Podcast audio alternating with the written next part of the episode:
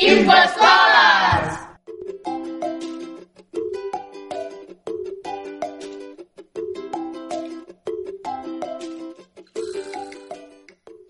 Bon dia, benvinguts i benvingudes a l'Infoescoles, el programa de ràdio on els nens i nenes i nois i noies de Sant Fruitós de Bages són els protagonistes.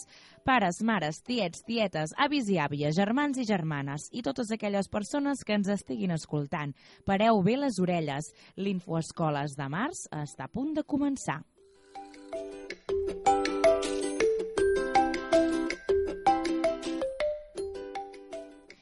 D'octubre a juny, l'alumnat de tots els centres educatius de Sant Fruitós de Bages presenta la seva secció i posa veu al programa d'Infoescoles. Els alumnes de cinquè de primària del Montsenyor Givert, coordinats per la Pepa Asensio, han preparat per aquest mes de març una crònica sobre la Setmana Cultural, unes entrevistes a alumnes de P4 i P5 que treballen l'obra de Joaquim Falcó i una entrevista a la regidora d'Ensenyament, Mònica Cruz, que explica els projectes que hi ha a l'escola. A més, ens recitaran el poema Mediterráneo de Joan Manuel Serrat, que s'ha convertit en el single de la campanya de Casa Nostra, Casa Vostra.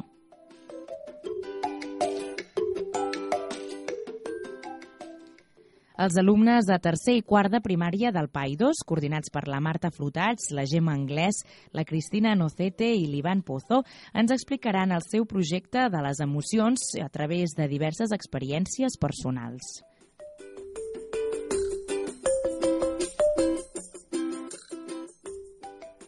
Els alumnes de sisè de primària del Pla del Puig, coordinats per l'Elisabet Badia, han entrevistat a l'escriptora Laia Fàbregas, autora de llibres en català i neerlandès com La nena dels nou dits o la seva última novel·la Dies de cel groc. Comencem, doncs, amb els alumnes del Montsenyor Givert. L'Anna Vilarmau i la Laia Mascaró ens expliquen el projecte de Joaquim Falcó, de P4 i P5.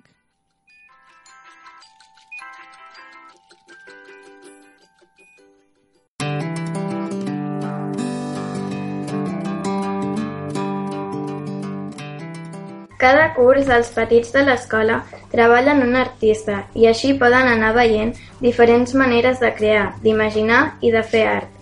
Aquest curs han escollit en Joaquim Falcó perquè és manresà, perquè està actiu i perquè les seves obres estan plenes de colors i d'objectes molt familiars pels nens i nenes. Qui era Joaquim Falcó? Joaquim Falcó va néixer el 1958 a Manresa, als 9 anys, va començar a estudiar pintura animats pels seus pares. És un dels artistes catalans més importants del moment. El seu treball consisteix en fer dibuix abstracte exposat quadres a galeries molt importants arreu del món, París, Nova York. Els alumnes de P3, P4 i P5 han pintat diferents dibuixos de Joaquim Falcó, ratolins, cargols, elefants, monos, girafes, també vespes, sabates, etc. Han fet servir les mateixes tècniques que utilitza el pintor, esquitxades i regalims, i han sortit unes obres d'art molt boniques plenes de colors. Ara demanarem algunes coses sobre el projecte. L'Helena Magé, mestra d'Educació Infantil. Bon dia, Helena. Bon dia. Com és que heu triat aquest pintor? Bàsicament vam triar aquest pintor perquè encara estava viu i era molt proper a nosaltres, és d'aquí Manresa, i vam pensar que això també es podria aprofitar. Llavors, eh, bàsicament la seva obra és molt atractiva i adient pels alumnes del parvulari. Als nens i nenes els hi ha agradat fer pintures del Joaquim Falcó? Molt, els hi ha encantat, s'ho han passat molt bé. Quines tècniques i habilitats heu treballat? Han treballat moltes tècniques, gotets, regalins, esquitxos, molt bàsics d'en de, Joaquim Falcó. Han estampat en plantilles d'animals, els han fet en positiu i en negatiu, han utilitzat biberons, han fet collage, han fet barreges de pintures, han descobert els colors secundaris a partir dels primaris, han utilitzat les mans i diferents eines i bàsicament ara us ho explicaran millor ells que, que jo. També ens agradaria saber l'opinió dels alumnes. Han vingut l'Aina i la Lucía de P5 i l'Ènia i l'Aivet de P4. Bon dia. Què és el que més us ha agradat de fer de Joaquim Falcó? Dibuixar animals i fer ratolins. M'ha agradat molt com pintar. A mi m'encanta fer la sabata de Joaquim Falcó. M'ha agradat el cargol i el lleó. De quina manera heu pintat? Com heu treballat? Amb i amb, i amb les mans. Amb salpicos. Amb, amb biberó. Amb gotins i biberó. Adeu. Adéu. Adéu. Adéu. Adéu. Seguim amb Javier Pérez, que ens presenta la Setmana Cultural. L'Escola Monsenyor Givert, un nou curs, farà la seva setmana cultural des del dia 3 fins al 7 d'abril. Els alumnes de l'escola dedicaran tota una setmana a fer treballs, tallers, exposicions, etc. Dedicaran la gran majoria d'hores a treballar el tema del medi ambient i la sostenibilitat. Visitarem l'exposició d'instruments amb material reciclat. També visitarem la deixalleria del poble. Ens vindran a fer un taller des del Parc Ambiental sobre reciclatge i alguns pares i mares de l'escola ens faran xerrades sobre el tema. Com cada any, tots visitarem la biblioteca on la Conxita, la Mar i l'Elisenda ja ens tenen a punt unes activitats superinteressants. També dedicarem algunes sessions a veure pel·lícules relacionades amb el tema del medi ambient per tal de debatre i reflexionar sobre com hem d'actuar en el dia a dia per tal que el món sigui més sostenible. Vindran a l'escola alumnes de l'escola Francesc Moragas d'Empans a fer-nos un taller de paper reciclat. Podrem anar a llegir i mirar tot tipus de llibres relacionats amb el medi ambient que tindrem recollits a una sala de l'escola. En definitiva, seran uns dies en els que interpretarem, aprendre i reflexionar molt sobre aquest tema tan important i interessant, per tal de canviar alguns dels nostres hàbits i així ajudar a mantenir el nostre planeta sa. Yara Prieto entrevista ara a la regidora d'Ensenyament de Sant Fruitós de Bages, la Mònica Cruz.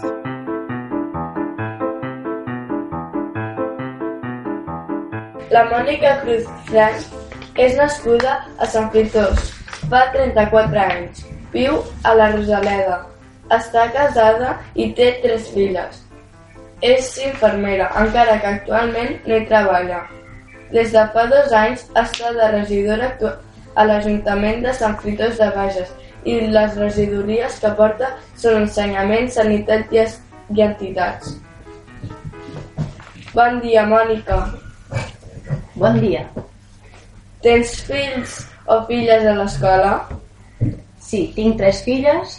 Les dues grans venen aquí a l'escola i la petita començarà aquest setembre a P3. Com és això de treballar de regidora? És molt difícil? La veritat que és una feina complicada moltes vegades i sobretot com jo que mai havia estat de política, però al mateix temps és molt, molt, molt gratificant, sobretot perquè estàs treballant eh, pel teu poble i per tots els ciutadans i ciutadanes que hi viuen. I això t'omple molt. T'agrada fer aquesta feina? Sí, és una feina molt enriquidora i que et fa créixer com a persona i valorar molt més les coses que tens al teu municipi ja que és un esforç de tots els ciutadans i ciutadanes que hi vivim. I sobretot quan veus que aquells projectes que, que hem tirat endavant són ben rebuts per tots els ciutadans, doncs et quedes molt satisfet amb la feina que estàs fent. Quin és el pròxim projecte que voleu fer relacionat amb l'educació i quan serà? Bueno, de projectes enfocats a l'educació n'hi ha molts, però en tenim dos que estem treballant, l'únic que quan es faran no ho sabem, un és, ens agradaria molt portar un cicle formatiu aquí a l'institut, ja fos de cicle, bueno, de grau mitjà o de grau superior, perquè creiem que un municipi com Sant Ritós, amb un institut com el que tenim, pues, ha de tenir formació professional, que és una altra sortida per tots els adolescents, i llavors una altra cosa que ens agradaria, ens agradaria crear és una escola d'arts. L'únic que són dos projectes que encara no se sap quan, no? quan seran una realitat, però bueno, són dos projectes que hi estem treballant per acabar-ho tenint aquí a Sant Petós. Com és el dia a dia del teu ofici? Bueno, doncs jo cada dia, després de portar les nenes a l'escola, vaig a l'Ajuntament, allà hi tenim un despatx, ens mirem els correus, Llavors, cada dilluns ens reunim amb l'equip de govern, hi ha un dilluns que fem una reunió que es diu reunió d'equip de govern i el dilluns següent fem les juntes de govern local. Allà bueno, es parlen i es tracten diferents temes relacionats amb el poble i llavors també d'ensenyament eh, tinc una tècnica que llavors ens reunim i parlem dels projectes que ja tenim iniciats o els que volem, o els que volem iniciar però sobretot estic en contacte constant amb les escoles, a l'institut, la llar d'infants per tal de conèixer de primera mà quines són les necessitats que tenen i els projectes educatius que, que estan fent i també assisteixo als consells escolars on allà també pues, puc rebre molta informació. Quina importància creus que té l'educació al poble? Bueno, personalment crec que l'educació té molta importància, ja que a través de l'educació és quan adquireixes els valors, els coneixements, els aprenentatges, el desenvolupament com a persona, tant personal com, a prof com professionalment, eh, però crec que el fet d'educar és una feina no només dels pares o dels avis, sinó que és una feina de tota la ciutadania en general, dels pares, dels mestres, de la botiguera que et pots trobar al poble, de tothom. És una feina que s'ha de fer a nivell municipal. Com col·labora l'Ajuntament des de les, amb les escoles? doncs des de l'Ajuntament intentem col·laborar amb tot allò que podem, eh, donant suport a nivell de recursos educatius, cedint material a, des de l'Ajuntament per a aquelles activitats que l'escola vol fer, eh, donem subvencions a l'escola i a l'AMPA, realitzant, des de l'Ajuntament es el manteniment i també algunes reparacions i algunes obres a les escoles, eh, com per exemple els alumnes de sisè d'aquí a l'escola eh, fa uns mesos ens van demanar si podíem reparar el mur que hi ha darrere de l'edifici dels grans perquè així pugueu deixar un mural, no? tots els alumnes que aneu acabant sisè ens va semblar una idea molt bona no? perquè és com deixar una miqueta el vostre record no? de tots els anys que heu passat aquí a l'escola i si tot va bé, doncs aquest, per Setmana Santa realitzaran aquestes obres i a final de curs podreu, bueno, els alumnes de sisè podran pintar aquest mural. Com s'ajuda des de l'Ajuntament a les famílies amb necessitats econòmiques? Bueno, això ho porten més des de l'àrea de serveis socials, però bueno, jo us puc explicar una miqueta doncs, que existeixen diferents ajudes per a aquestes famílies amb necessitats econòmiques, que unes poden ser enfocades al material de l'escola, unes altres poden ser enfocades a la compra dels llibres de l'escola i també a fer activitats extraescolars.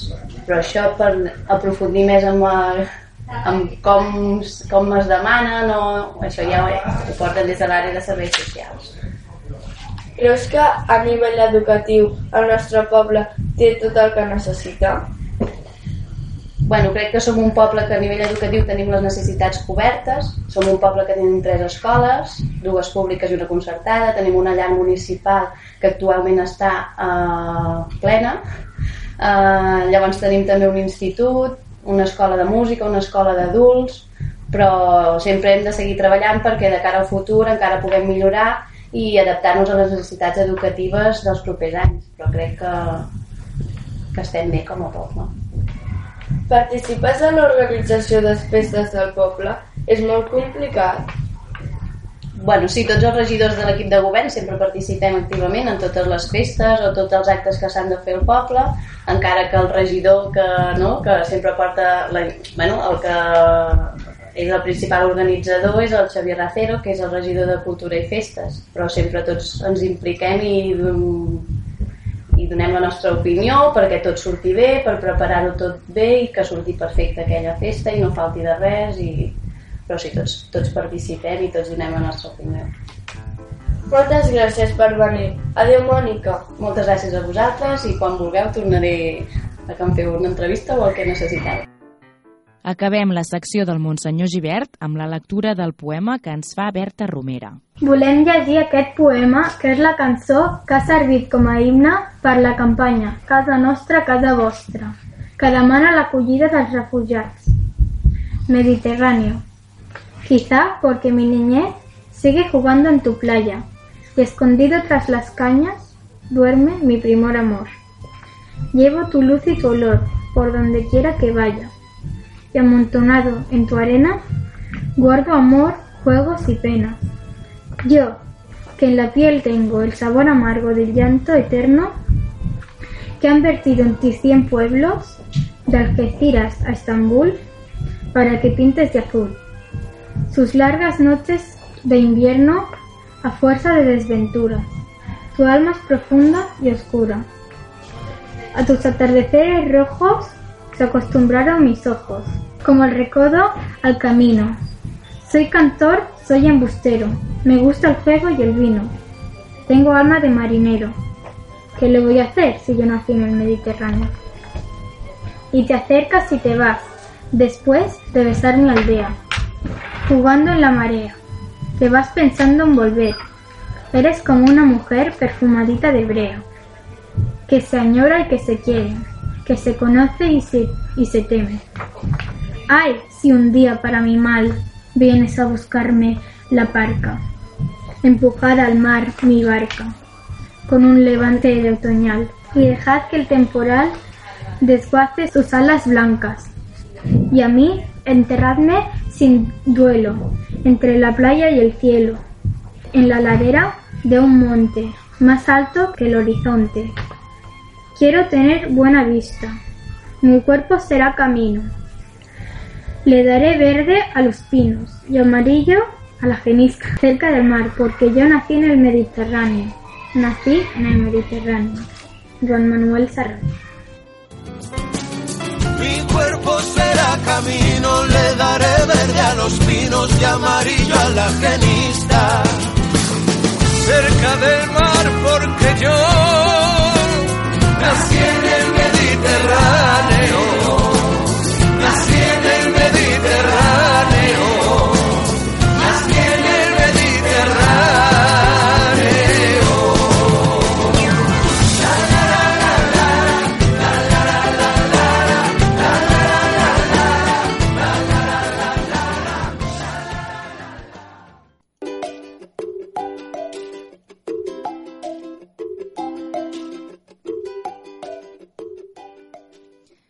Els alumnes de tercer i quart de primària del PAI 2 ens presenten el seu projecte sobre les emocions. Ells són l'Aina Altimires, el Didac Noguera, el Ferran Planes, el Marc Martínez, l'Oriol Carrasco, el Jan Vila, l'Ona Garrido, la Laura Ramírez, la Inoa Esco, l'Alba Oete, la Ona Azín, l'Albert Calum, el Miquel Romero, la Sara Cituentes, la Rosa Claret i l'Oriol Planes.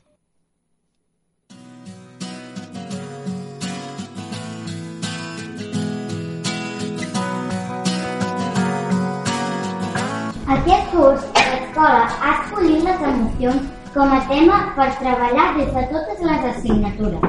A l'assignatura de valors cívics hem iniciat un projecte molt divertit que anomenem les carpetes de les emocions. Aquest projecte consisteix en set carpetes. Cada carpeta d'una emoció diferent. Alegria, tristesa, fàstic, por, humor, vergonya i sorpresa. Aquestes carpetes les tenen set nens diferents de la classe i aquests hauran d'escriure una experiència de la seva vida en què hagin tingut aquesta emoció. També hi podem enganxar fotografies o fer-hi algun dibuix. Un dia a la setmana i una assignatura de valor cívic. Aquests set nens expliquen cada davant del grup de la classe la seva experiència i els altres nens comenten l'experiència que s'està explicant. És una activitat que ens agrada molt, perquè estem veient que davant d'una mateixa experiència no tots tenim la mateixa emoció. I algunes de les experiències dels nostres companys són realment divertides i curioses. Ens ho passem molt bé fent aquest projecte. Una de les carpetes que ens agrada més explicar i escoltar de l'exposició dels nostres companys és la carpeta de l'humor. Aquesta emoció ens fa veure fets de la nostra vida de manera còmica i divertida. Els nostres companys ens han explicat vivències molt divertides i hem rigut molt amb elles quan les explicaven. Aquesta setmana l'he tocat a l'Alba explicant-nos la carpeta de l'humor.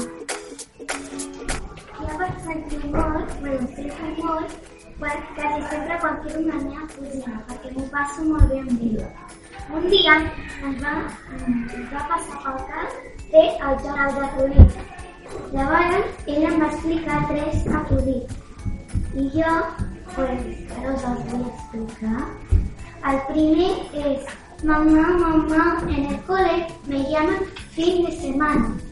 ¿Por qué domingo?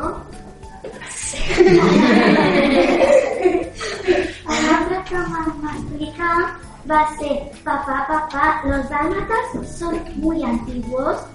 No, exactamente no. Entonces, ¿por qué son en blanco y negro?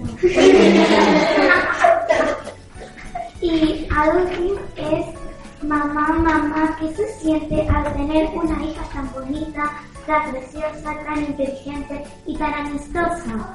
No sé, hijita, pregúntale a tu abuela.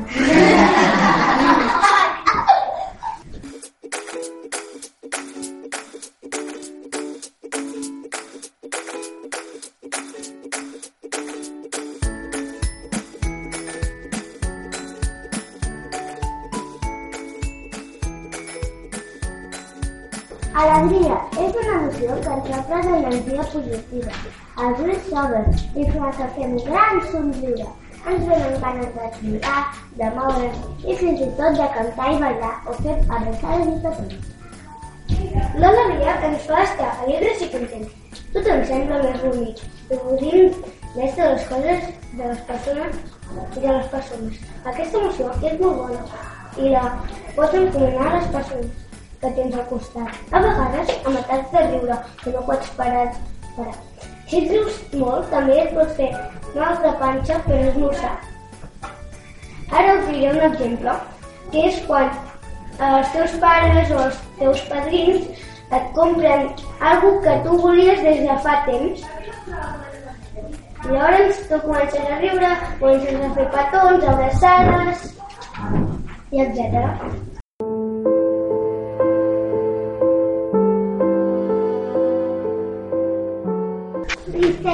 és una emoció que es produeix un sentiment de pena, tens ganes de plorar. També es barreja amb altres emocions, perquè també es pot sentir més enfadat o rabiós, però no tens ganes de fer res ni de relacionar-se. Normalment, la tristesa la sentim com una cosa negativa, però també té coses positives, perquè no podem estar, estar tristos per qualsevol cosa i ens ensenya coses importants que ens ajudaran a créixer i fer-nos més suaus per a la vida. La cosa més freqüent és comparar amb un ésser estimat com àvia, avi o mascota. Com per exemple, jo i un company de, de classe hem tingut tota la vida.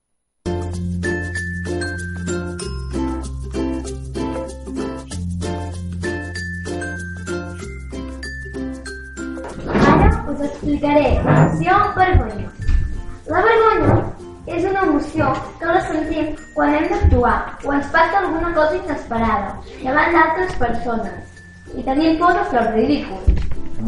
Quan passem vergonya ens posem molt vermells a la cara, sobretot a les altes. S'acelera el bateig del cor i ens posem a suar. També ens passa quan vivim situacions noves o davant de persones desconegudes. Alguns nens són molt tímids i passen molta vergonya. Hem d'aprendre a superar-la i, i a sentir més seguretat, o com a mínim a dissimular, i que no se'ns noti tant. I ara una companyera que us explicarà un exemple. Un exemple és, és quan t'agafes el mòbil i et, i, i et graves la veu dient coses. I que llavors quan t'escoltes et fa vergonya perquè la veu canvia una mica i si li envies a, a, a la teva família o amics quan, quan ho escolten i t'envien un missatge de que ja ho han escoltat fa una mica de vergonya. Fàstic. El fàstic és una emoció desagradable que et fa reaccionar amb mala cara. Quan sentim fàstic, la cara se'ns arruga i fem una banyota. Fins i tot podem sentir mal de panxa, mareig, mal gust i ganes de vomitar. A vegades, a vegades fins i tot expressem un ex. Per exemple, quan hem de menjar alguna cosa que no ens agrada, al menjador hi ha un dia que es diu lleguminitzat. Ens toca menjar llegums. A alguns nens no els agrada gens. Menjar llegums els fa molt fàstic. Fa molta gràcia veure totes aquelles banyetes juntes.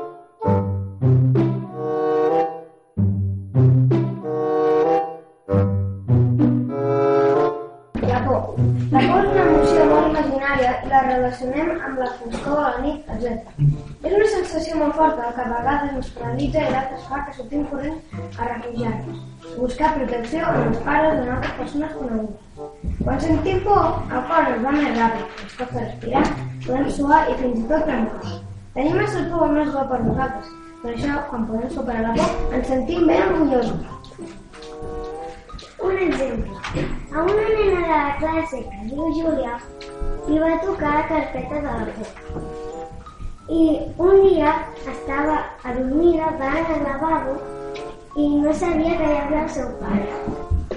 Va obrir la porta i es va trobar el seu pare tot ple d'espuma i es va espantar molt. La sorpresa. La sorpresa és una emoció que passa quan menys te l'esperes. De vegades és bona, però d'altres pot ser dolent. L'expressió facial ens canvia de seguida. Se'ns obren més els ulls, la boca, etc. Ens posem nerviosos, se'ns acelera el cor. La sorpresa pot ser instantània, pot durar una bona estona. A la nostra classe tenim un repte de lectura. En diem el lector repte. Cada vegada que ens llegim un llibre, la Marta ens enganxa una petja d'un camí molt llarg que tenim penjat sobre la pissarra. Estem posant petjades des del setembre i quan arribem al final del camí ens espera una excursió sorpresa. No sabem on serà, però segur que quan ho sapiguem ens quedarà a tots cara de sorpresa.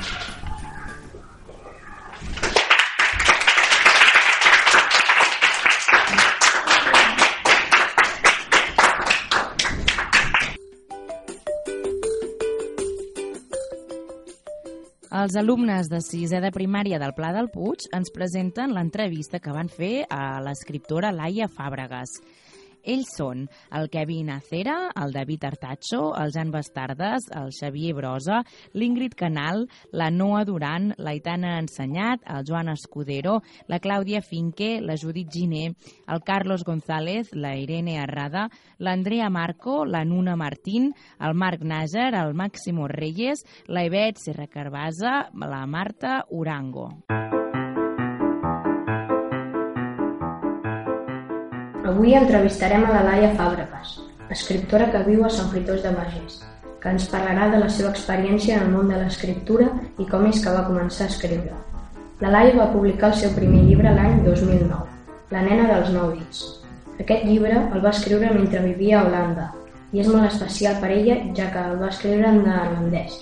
Des de llavors ha publicat dos llibres més, La llista i Dies del cel groc. Les seves novel·les han estat traduïdes a diferents llengües. Treballa al Laboratori de Lletres, una escola d'escriptura creativa de Barcelona i ha col·laborat en el diari Ara. L'altre dia, quan vas venir a la classe a ensenyar-nos una activitat d'escriptura, ens vas dir que havies escrit La nena dels nou dits. Com és que escrius? Com és que escric? Ui, quina pregunta. Um, bueno, jo vaig començar a escriure, bueno, sempre, sempre he escrit des de petita, ja escrivia, m'agradava molt escriure. Um, quan tenia la vostra edat, em sembla, uh, vaig guanyar uns Jocs Florals de l'escola, en un Sant Jordi, um, i sempre m'ha agradat escriure. El que passa que vaig estar un temps sense escriure quan vaig començar a estudiar Belles Arts. I, però mentre estudiava Belles Arts em vaig adonar que a part de fer coses amb dibuix i amb pintura i amb escultures també m'agradava molt jugar amb les paraules i llavors eh, vaig acabar eh, anant a una escola que, que ensenyaven art i, i text tot junt i allà és on eh, em vaig començar a animar a escriure encara més. Això tenia, tenia 20 i pico d'anys 23 o així, quan, quan vaig començar a escriure no, més, més, ja en tenia 26 o 27 quan vaig començar a escriure la nena dels nou dits. Um, perquè m'agradava, perquè em vaig inventar una nena, vaig, vaig inventar-me la frase em dic Laura i tinc nou dits i, i, em vaig, i em vaig començar a inventar què més hi havia darrere d'aquesta frase. I llavors a, a, és, és, molt, és, és que és una, és una pregunta molt, molt difícil aquesta, eh, de per què escric perquè m'ho passo bé, perquè m'ho passo bé vaig començar així i, i escric perquè m'ho passo bé, perquè m'agrada, sobretot perquè m'agrada descobrir què hi ha darrere de la primera frase que m'invento. Sempre, sempre que escric començo amb una frase, en aquest cas era la nena dels nou dits, i, i sempre que, que tinc aquesta primera frase el que faig després és inventar-me per què aquesta nena té nou dits, per què, per què aquesta nena està intentant sortir de la meva imaginació i poquet a poquet vaig, vaig, creant, vaig creant la història. Quin tipus de novel·la escrius? A quin públic van dirigides? Molt bé. Um, a quin tipus de novel·la escric? Això també, això també és difícil eh, de contestar perquè um, jo no m'he plantejat mai quin tipus de novel·la escric. Um, simplement escric perquè tinc ganes d'escriure i, i perquè m'invento els personatges. Però després d'haver-ne escrit tres, la gent que em llegeix em diu que les meves novel·les van sobre la família, sobre les relacions eh, sobre les relacions familiars i sobre les relacions d'amistat o de parella. Més o menys sempre parlo d'aquestes coses. Um, um, tenia, hi havia una segona part de la pregunta que no me'n recordo. A quin públic van dirigides? A quin públic van dirigides? Això tampoc no m'ho plantejo. Mm, jo escric perquè m'agrada a mi i llavors suposo que la gent que, que li agradarà el llibre són la gent que, que li agraden les mateixes coses que, que, que m'agraden a mi. El que passa que eh, els escriptors al final tots parlem del mateix. Parlem de la vida o de la mort o de l'amor. Eh? Amb moltes variacions diferents, tot acaba parlant una mica del mateix. I, i llavors eh, suposo que el públic que, que, que li agraden les meves novel·les és el públic que se, es pot sentir identificat amb, amb algunes de les coses que plantejo que són coses familiars o coses d'amistat. I després hi ha el, el, la part més mm, formal, les meves novel·les a vegades no són, no són molt um, clàssiques, diguem, en, en, en l'aspecte de que comencen pel principi i, i acaben al final, sinó que moltes vegades treballo fent coses molt fragmentàries, posant capítols molt curtets i canviant l'ordre de les coses, i això pot ser que, que, que agradi més o menys a, a una gent o altra. Has treballat sempre d'escriptora? No, he treballat d'un munt de coses diferents. Um, quan, vaig acabar, quan vaig acabar a Belles Arts, me'n vaig anar a viure a Holanda. I allà a Holanda uh, vaig treballar de secretària, de d'ajudant de galeria d'art, uh, de dissenyadora gràfica, um, bueno, el que em anava sortint, vaig treballar de tot el que em anava sortint. Um, I vaig acabar treballant, imagina't, a la policia d'Amsterdam ajudant-los a fer eh, programes informàtics nous pels policies. Vale? Eh, mentrestant, jo anava fent les meves cosetes i anava escrivint. I just quan estava treballant allà a la policia d'Amsterdam va ser quan, quan vaig escriure La nena dels nou dits i quan es va publicar i un cop es va publicar i llavors es va traduir a diversos idiomes va ser quan vaig dir, bueno, doncs ara ho deixo tot i provo a veure què passa si treballo d'escriptora. I llavors podria dir que des de llavors, que és més o menys el 2008, ja gairebé aviat farà 10 anys, um, sí que he treballat més o menys només d'escriptora i de coses que tenen a veure amb l'escriptura, perquè, perquè jo no, no puc guanyar eh, tots els diners només d'escriure, perquè es guanya molt pocs diners amb escriure. Llavors, per això també faig classes d'escriptura, vaig també, durant un temps vaig fer um, articles pel diari Ara, um, he traduït també alguns llibres, i amb, i amb això doncs eh, vaig fent el meu sou mensual. Què vas sentir quan es va publicar el teu primer llibre? Ui, va ser, me'n recordo molt bé perquè quan el vaig veure per primer cop va ser precisament a la policia, quan treballava a la policia d'Amsterdam perquè, perquè el llibre primer va sortir en holandès perquè jo vivia allà i l'havia escrit en holandès llavors eh, el primer, la primera persona que va comprar aquest llibre va ser el, el, meu, el meu cap de la policia d'Amsterdam que em va comprar 200 per regalar a, tots el, a tota la gent del, de, que treballava amb mi, a tota la gent del, del departament. I llavors el vaig veure allà i vaig dir, ui, ara sí que, ara, sí, ara sí que va de debò. Va ser com una sensació de, de que ara ja no es podia tirar enrere i ara tothom ho començaria a llegir i llavors, a part de molta molta felicitat per veure'l, també molta por per veure què dirà la gent quan el llegirà. Perquè, clar, i si no els agradava a ningú? Però, per sort, poquet a poquet, vaig anar rebent eh, eh, comentaris bons de gent clar, primer els meus més amics doncs, em deien que estava molt bé, però tampoc jo no m'ho creia. Fins que no em va venir un, un, una persona que treballava al meu departament, però que jo no m'hi relacionava gaire, que em va dir que la seva dona se l'havia llegit i li havia encantat, llavors va ser quan em vaig creure que segurament els hi agradava de veritat a la gent i no només als meus amics i això va ser una, llavors ja va ser la tranquil·litat i ja, ja vaig sentir que possi possiblement doncs, em podria escriure un altre també de tots els llibres que has escrit quin t'ha agradat més i per què? Ui, això és molt difícil això és com dir-li a una mare que triï entre un fill o l'altre doncs me'ls estimo tots igual però mm, bueno, la nena dels nou dits és el més especial perquè és el primer i perquè el vaig escriure en, en, en holandès, que no és la meva llengua, però com que vivia allà i l'havia pres doncs, uh, i vivia llavors en holandès, um, potser per això el fan el més especial, no? Però no és, és molt difícil dir, dir quin, quin m'agrada més. Són, són molt diferents tots també, perquè estan escrits en, originalment en llengües diferents i perquè tracten temes diferents de base, diguem. Um, més no puc dir. Per què és difícil guanyar-se la vida com a escriptora? Ai, perquè s'han de vendre moltíssims llibres. A veure, no, normalment eh, la majoria d'escriptors tarden aproximadament un o dos anys en fer un llibre. Val? N'hi ha que tarden més. El, el, el, el, el Cabré, per fer el Jo confesso, em sembla que havia tardat set anys, va dir. Um, normalment, és això, tardes un any o dos. Um, de cada llibre, l'escriptor guanya més o menys un euro. Per tant, si jo tardo dos anys en fer un llibre i per cada llibre que guanyo, venc, només guanyo un euro aproximadament, hauria de fer tants, hauria de vendre tants llibres per fer el salari de dos anys, eh? per guanyar tants diners com per estar dos anys sense, sense, sense treballar perquè llavors he de, he de fer el pròxim llibre. Per tant, només guanyen realment, només es guanyen, poden guanyar la vida els que, els que venen 20.000, 30.000, 50.000 llibres eh, eh, i, i, i els segueixen venent, i, i el següent llibre que fan també en venen tants, o sigui, amb un sol bestseller tampoc no, no, no ens ho fem, no? I Catalunya és una, el català és una llengua petiteta, que hi ha menys lectors, els castellà, el, el castellà doncs, es pot vendre també a Llatinoamèrica, a altres llocs, l'anglès es ven a molts llocs, um, per tant, és, és molt complicat i de tota la gent que, que, que escriu llibres i que publica llibres, només un percentatge molt petit, potser un, de, no sé, un 1, un 5% d'escriptors, de, viuen només d'escriure.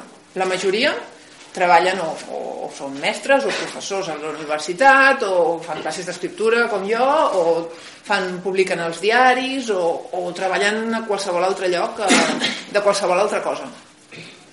Amb què t'inspires quan escrius un llibre? Com ordenes les idees per escriure un llibre?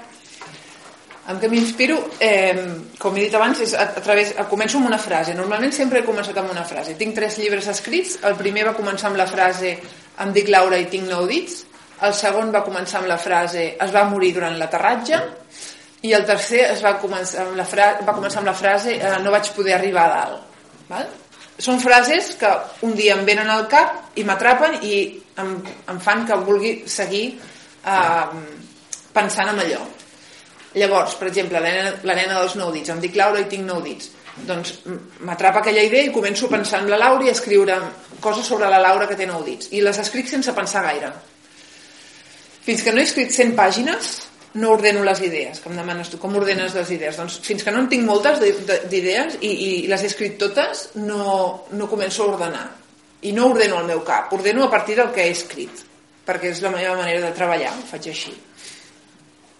Per tant, fins que no he tret molta informació i la tinc allà posada a l'ordinador o impresa, um, no ordeno. I com ordeno? Doncs ordeno simplement llegint i llegint, fent, llegint posant-me en el paper de, de lectora i de llegint a veure si m'agrada aquesta història. Com que l'he escrit sense pensar, perquè l'he escrit a raig, la llegeixo pensant a veure si m'agrada o no i, i pensant el que trauria o el que, o el que em quedaria i pensant el que canviaria d'ordre i així és com ordeno, ordeno a partir del que ja tinc. I llavors després hi ha moments on, per exemple, en el, en el meu segon llibre vaig començar a escriure, va morir durant l'aterratge i em, van sortir, em va sortir la idea de que la persona que es mor a l'avió porta una capsa i l'altra persona que està asseguda al seu costat se li endú la capsa. I durant molt temps vaig estar escrivint aquesta novel·la i hi havia aquesta capsa a casa de la noia que s'havia endut la capsa i jo no sabia què hi havia dintre de la capsa. I vaig estar durant molt temps provant diverses coses. I primer vaig escriure que hi havia una cosa determinada. I vaig escriure tot i vaig anar fent la història com si hi hagués aquella cosa. I m'ho vaig tornar a rellegir i vaig pensar no m'agrada, trec la cosa em poso una altra de cosa allà dintre. Fins que no vaig haver posat la tercera cosa no, no vaig haver trobat exactament el que volia. I quan vaig haver escrit això ja sabia que era allò el que buscava. Per tant ordeno a, a, a partir de, de, de prova i error. O sigui escric i després si no m'agrada ho trec um, és la meva manera de fer-ho hi ha escriptors que ho fan totalment al revés que primer ho pensen tot i després ho, escri ho escriuen però jo primer escric i després m'ho repenso i, i ho, ho esborro o m'ho quedo Quantes hores al dia escrius? Ui, ara cap, perquè tinc un bebè de 10 mesos a casa que no, no em deixa fer gaires coses. Però um, quan escric, quan tinc un projecte entre mans i, i tinc... I, i, i em...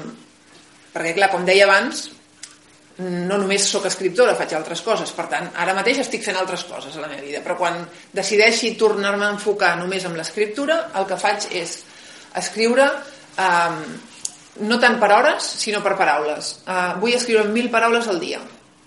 I com que tenim el Word que ens ho compta, doncs uh, al final del dia veig quantes n'he fet i si n'he fet mil em quedo tranquil·la. A vegades faig mil paraules en dues hores. O a vegades uh, estic 8 hores i només n'he fet 500 de paraules. Per tant, intento fer o mil paraules o 8 hores. Perquè clar, com, que, com deia abans, escric i després reescric i, i esborro, hi ha dies que en lloc de fer-ne 1.000 n'esborro 2.000. Doncs el dia que en lloc d'escriure esborro, intento fer 8 hores de feina d'escriptora. I el dia que realment estic escrivint i en dues hores he acabat, he aconseguit escriure 1.000 paraules, doncs eh, em dono per satisfeta. Per, per què? Perquè abans, anteriorment, provava a vegades de dir, bueno, va, ja he fet les 1.000 paraules, me'n vaig a dinar i després de dinar en faig 1.000 més. I no, no me'n surten més 1.000 és el màxim que em surt en un dia. Uh, alguna vegada he tingut una inspiració molt fluida i n'he fet 2.000 de cop. Però ja està, 2.000 i ja està. Um, um, Tornar-m'hi a posar en un altre moment no em serveix, perquè no, no em funciona. Com t'ha canviat la vida escriure? Uh, escriure diguem que no m'ha canviat la vida perquè sempre he escrit, però ser escriptora, o sigui, convertir-me en escriptora i de dir ara és això el que faig a la meva vida, m'ha canviat en el, en el fet en què ja no treballo per un altre, no? Abans eh, treballava doncs, a la policia o era secretària en una empresa o treballava a diversos llocs on jo tenia un, un cap que em deia el que havia de fer. I des de que vaig dir deixo, deixo la policia d'Amsterdam, me'n vaig a viure a, a, a Catalunya una altra vegada, um, ja no tinc jefe, no? treballo per mi mateixa i decideixo el que faig. Um, I ara mateix doncs, escric i dono classes d'escriptura creativa al laboratori de lletres i, i m'organitzo una mica la vida com puc. Dona llibertat, però també dona molta feina, perquè a vegades a les 12 de la nit, com ahir a la nit, a les 12 de la nit, encara estava uh, fent feina de coses que, que tenia pendents. Uh, és el, el problema de treballar per tu mateix és que treballes a tota hora. Quin és el teu escriptor o escriptora preferida? I el teu llibre, quin i per què? Um, el meu escriptor preferit en diria tres, mm, si em deixes. Um, el Paul Auster, el Paul Auster és algú que jo vaig, vaig descobrir quan estudiava Belles Arts a través d'un artista, vaig anar a veure una exposició d'un artista que es diu Sophie Kahl, um, que, que era, una, era un artista que treballava uh, molt el text. Les seves obres d'art tenien molt text. I en un dels seus treballs parlava d'un escriptor que es deia Paul Auster. I vaig anar a buscar els llibres del Paul Auster i me'n vaig comprar un i després de l'un em vaig comprar tots els que havia escrit i des de llavors em compro tots els que escriu. Um, I i m'agrada perquè treballa molt amb la, amb la casualitat i amb, i, amb, i amb coses inesperades i dic que és el meu escriptor preferit perquè una vegada, en acabar un llibre seu, vaig pensar seria fantàstic poder escriure un llibre, però no m'ho vaig acabar de creure. O sigui, no, no tenia pas previst jo ser escriptora. Però aquella idea em va quedar allà en algun lloc i potser per això vaig acabar escrivint un llibre algun dia. Després hi ha també Edgar Allan Poe, que vaig, vaig llegir tots els seus contes, eh, no sé si quan tenia la vostra edat o una mica més gran, eh, i també em va, em va impactar molt el seu, el seu treball i després eh, Boris Vian perquè és un escriptor que escriu coses molt, molt, molt, molt estranyes i molt difícils d'entendre però que, que, també, bueno, que també em va fer canviar una mica la, la, la, la perspectiva de l'escriptura i si em fas triar un llibre quin llibre m'agrada més això sí que no ho sé, no t'ho sé dir perquè n'hi ha tants que, que és molt difícil si me'n recordés et diria el llibre eh, del Paul Auster que em va fer pensar un dia que voldria ser escriptora, però no recordo quin era de tots els que vaig llegir. Per què creus que és important escriure? Um, escriure és important per, per, en, en, en dos nivells, crec jo. Um, escriure per escriure, o sigui, escriure simplement per tu mateix o per comunicar-se és important perquè, perquè ordena les idees. Eh? Perquè uh, el fet d'haver d'escriure una cosa eh, fa que la vulguem estructurar millor que el que, que el que tenim al cap i això fa que ens ajudi a ordenar el pensament. Moltes vegades, quan estàs angoixat o et trobes malament o, o no saps quina decisió prendre, la recomanació que se't fa és escriu. No? Si dubtes entre dues opcions, escriu els, les, les dues opcions, quina, quines són les coses bones i dolentes de cada opció i pren la decisió. Per tant, és una eina molt bona per ordenar el pensament i per prendre decisions. I per altra banda, a nivell literari, escriure a nivell literari crec que és important perquè és important poder-nos eh, recrear en una ficció, inventar-nos coses que no existeixen. Eh, crec que és, que és, que és molt eh, gratificant com a escriptor, però crec que a tothom també li pot agradar molt. Escriure coses simplement pel fet d'inventar-se-les i de veure què passa quan eh, t'inventes una cosa i l'escrius de manera que sembla veritat, perquè quan tu llegeixes una cosa, encara que sàpigues que és mentida, perquè llegeixes una novel·la que saps que és mentida, si està ben escrita, escrita te la creus. Te la creus i entres en aquell món, igual que quan veieu una pel·lícula, us creieu el que està passant allà sabent tots que és una pel·lícula i que no és veritat, però ens creiem la història. Doncs fer una història literària, escriure una història literària ben escrita i que creï un món que no existeix, crec que és molt interessant pels escriptors i per qualsevol, per qualsevol persona. Quin és el darrer llibre que has escrit? L'últim que he escrit eh, es diu eh, Dies de cel groc i ja fa, ja fa ben bé 4 anys que, que el vaig escriure, em sembla, que va sortir. Um, i, I és un llibre que, que és el primer que vaig escriure totalment en català, perquè el segon el vaig escriure mig en castellà i mig en, en holandès i aquest el tercer el vaig escriure totalment en català i, i ja, ja, estava, ja vivia aquí totalment i, i és una història d'una nena que és castellera i que, i que li agrada molt enfilar-se als llocs i, i que té un germà que no s'hi acaba de portar gaire bé i que un dia se'n va i no diu res, no diu res més i ho deixo aquí perquè si, si us explico més llavors ja no caldrà que el llegiu no?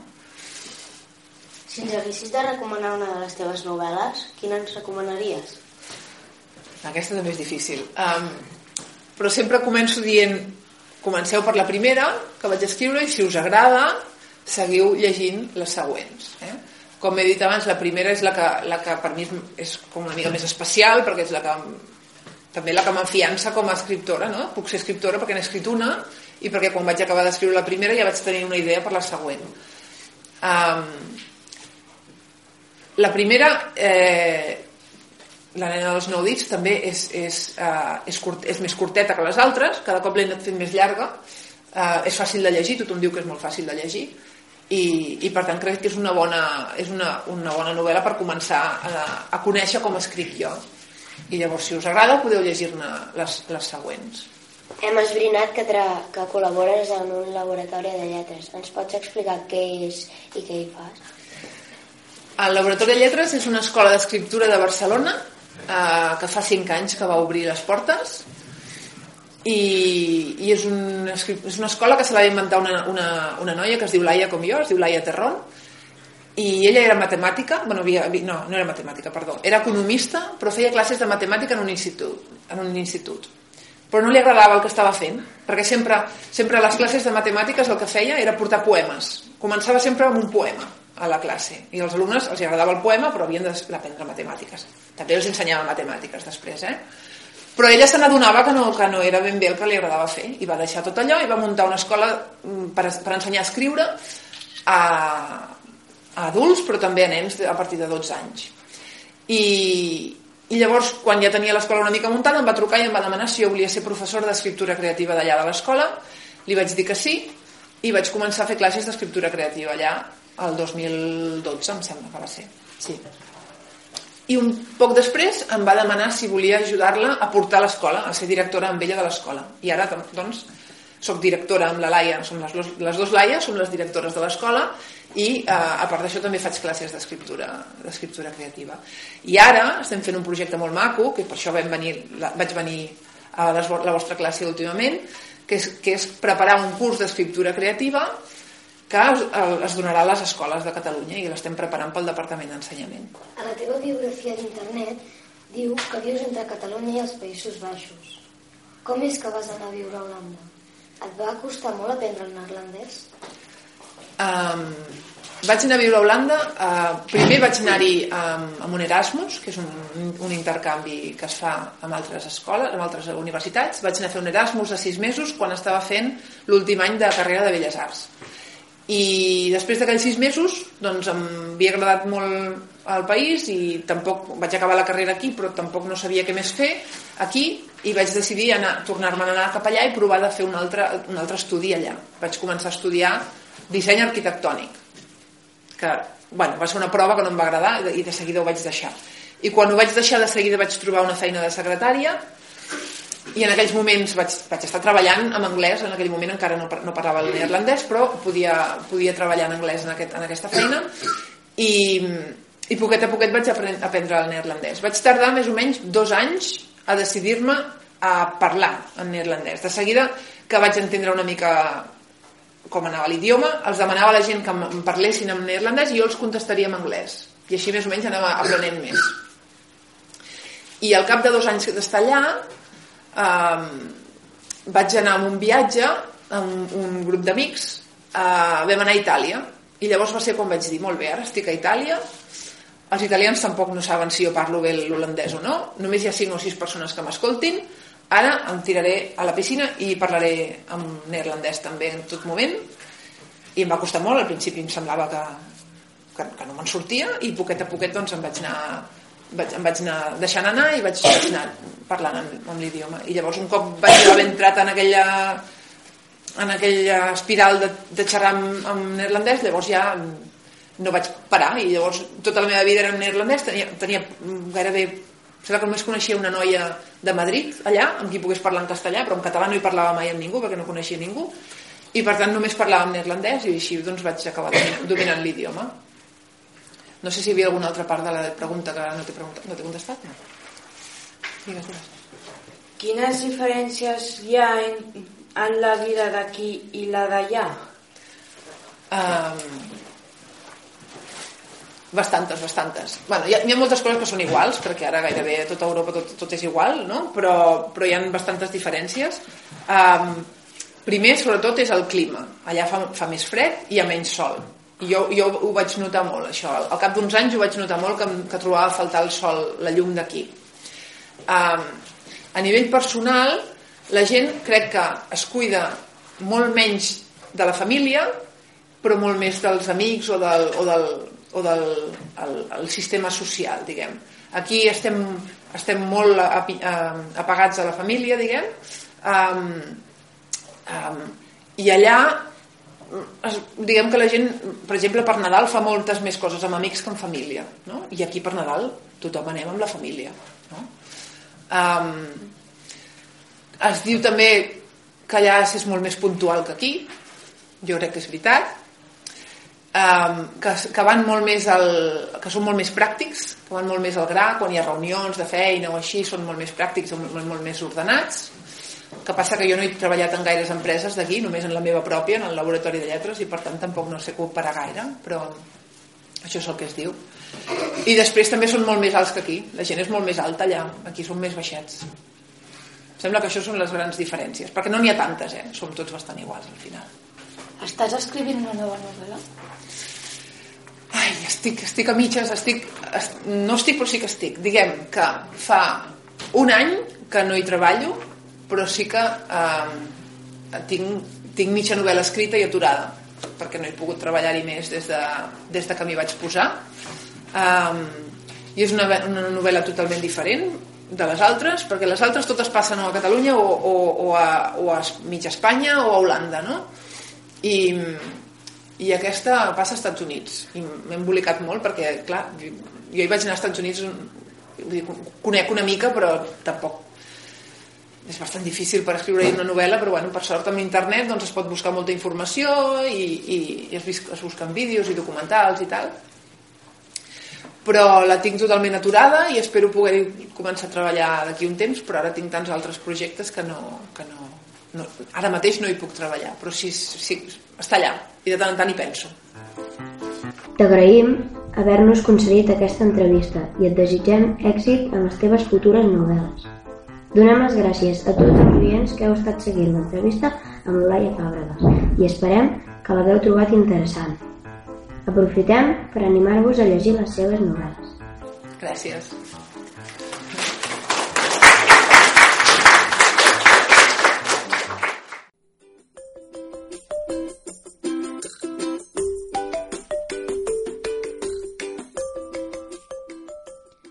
Pares, mares, tiets, tietes, avis i àvies, germans i germanes i totes aquelles persones que ens estiguin escoltant.